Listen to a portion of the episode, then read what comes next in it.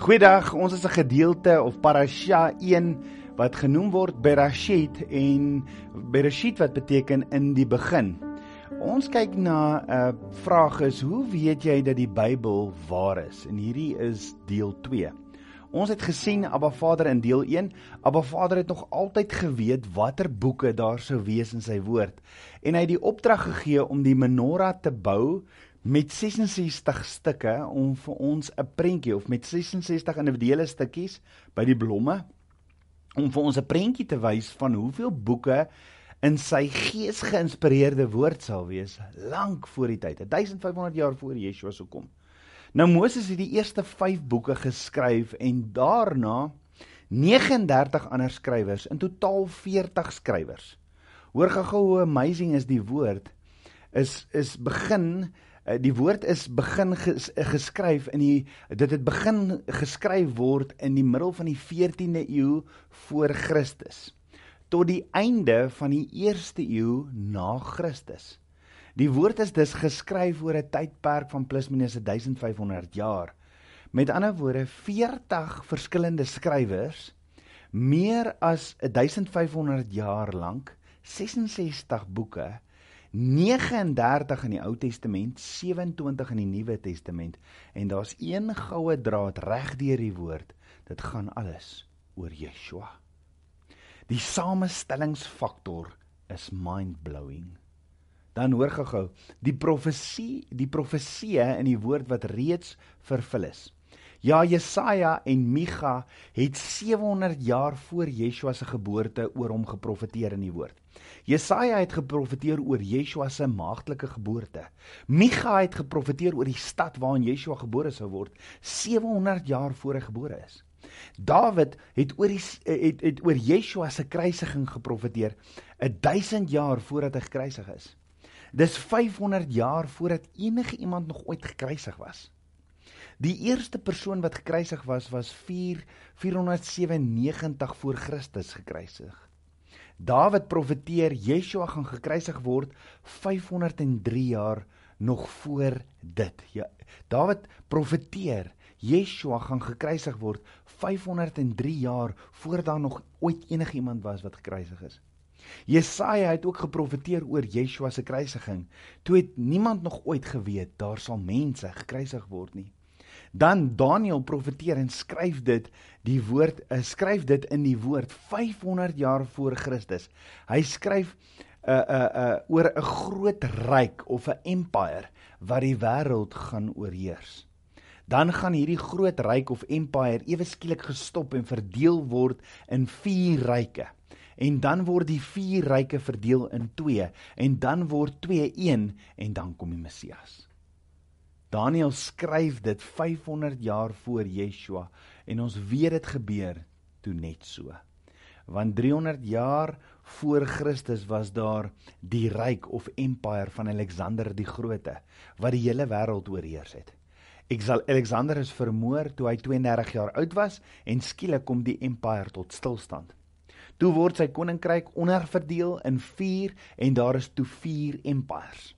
Die vier empires het toe later twee empires geword. Die Seleukide en die Ptolemeese ryk en hierdie twee ryke of empires het toe een ryk geword, die Romeinse ryk. En dis toe dat Yeshua gebore is. Hoe akkuraat is dit nie? En hoe verduidelik jy dit? Die punt is dit is onbeskryflik hoe akkuraat die woord, die woord van Abba is. Dan is daar mense wat vra maar maar hoe weet ek dat die woord waar is? En wat ek vir hierdie persone eerder wil vra is hoe dink jy of weet jy dat die woord nie waar is nie? Ek meen dit is mos makliker om te bewys dat iets nie waar is nie. Veral as die woord profeteer van 'n stad wat nog nooit bestaan het nie of as die woord praat van 'n stad wat 100 myl van die ander stad af is. As dit nie waar was nie, kon dit mos kon dit mos bewys word. Ek praat nie eers van berge ensovoorts nie.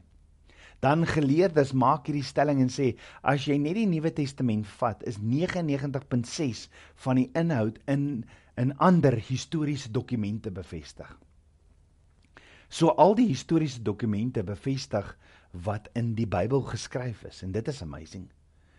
2000 jaar gelede sedert Yeshua opgevaar het. 3500 jaar sedert die woord begin skryf is.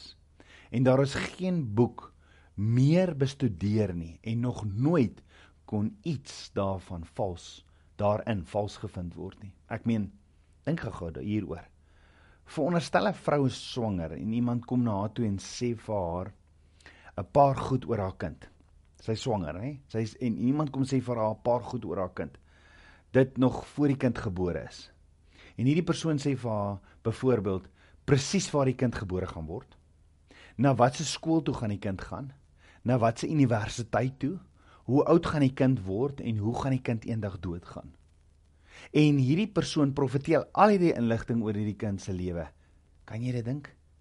Nou die wetenskaplikes het gegaan en sommetjies gaan doen en bevind vir 8 van die goed. Die 8 van hierdie profesie oor Yeshua om waar te word. Die kans dat 8 reg is, is dieselfde kans as wat jy Texas in Amerika vat. Nou die staat van Texas in Amerika is groter as Gauteng. En die staat van Texas is 430 000 vierkant 'n kilometer. Die die kans dat 8 van hierdie profeseë reg is, is dieselfde kans as wat jy Texas in Amerika vat en jy gooi hom 0.6 meter, twee lineale hoog, vol R5 stukkies. Met ander woorde 430 000 vierkante kilometer 0.6 meter hoog vol met R5 stukke en op een van daai R5 stukke is daar 'n rooi kolletjie opgemerk en jy gaan skud alles. Hierdie R5 met die rooi kolletjie op kan enige plek tussen al die ander 5 R5 lê. En ek kom blinddoek jou en ons skud hierdie en ek loop reguit en jy, en jy loop reguit en jy gaan tel tussen al hierdie ander R5 stukkies hierdie een op met die rooi kolletjie dis die kans dat agt profeseë oor hierdie kind se lewe waar sal word. Hoor gou. Oor die 300 van hulle is oor Yeshua geprofeteer en almal het waar geword. Nie 8 nie, 300. Die wetenskaplikes het daarna gekyk en gesê hulle kan met redelike sekerheid sê die kans vir so iets om te gebeur is 0. Maar dis die God wat ons dien, die God van die onmoontlike. Die Bybel is die beste verkoper boek van alle tye. Die wiskundige kans die die wiskundige uh uh uh kans of moontlikheid dat 66 boeke oor 'n tydperk van 1500 jaar deur 40 verskillende skrywers geskryf is en alles is ooreenstemmend. Soos al die 66 boeke van die Bybel. Dit is astronomies, dis enorm en dit is massief. Ek meen die odds vir die profesie onder andere van Yeshua om in Bethlehem gebore te word is 1 uit 300 000 kans vir Yeshua om in Bethlehem ge gebore te word. Dan word die feit dat Yeshua nie eers in Bethlehem gewoon het nie, nie eers in aange eh, word nie eers aangeneem nie. Ek meen, wat is die kans of die moontlikheid dat Yeshua gebore word in 'n stad waar hy nie eers waar sy pa ma nie eers gewoon het nie? dan dat daar 'n sensus gehou sou word dat sy ouers op die presiese tydstip toe Maria op 9 maande swanger was daarna toe sou reis en Maria geboorte in daardie stad sou gee. Dis nogal in die stad waar die lammetjie van gekom het wat geslag was op die Pasga in Jerusalem. Daardie selfde stad het hulle die lammetjie van gekry om geslag te word op Pasga in Jerusalem. In hierdie selfde stad is die lam van God gebore. Dis wat Micha geprofeteer het. Dit staan opgeskrywe in die woord. 700 jaar voordat Yeshua in Bethlehem gebore sou word. Yeshua het elke liewe profesie oor hom vervul. En die punt is, die Bybel, die woord van Abba Vader is die totale waarheid.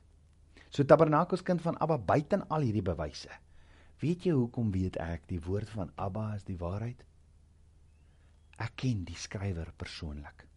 Abba Vader is die skrywer van die beste verkoper van alle tye en ek persoonlik ken hom. Ja, as jy Yeshua, die weg, die waarheid en die lewe ontmoet het, jou lewe vir hom gee, jou sondes bely en vra vir vergifnis, hom aanvaar as jou verlosser en saligmaker, dan kan jy Abba Vader nader en hom leer ken. En dis dan waar jy ontdek dat die woord Yeshua is, dat die waarheid Yeshua is, dat die hele woord na 'n persoon toe wys en sy naam is Yeshua Messiah. Alles gaan oor hom. Yeshua sê in Johannes 5 vers 39, my koning, hy sê: "Julle ondersoek die skrifte omdat julle meen dat julle daarin die ewige lewe het en dit is die wat van my getuig." In Johannes 1 staan: "In die begin was die woord en die woord was by God en die woord was God." In Johannes 1 vers 14 staan: "En die woord het vlees geword en onder ons gewoon." Yeshua is die woord. Yeshua is die menorah. Yeshua is die waarheid.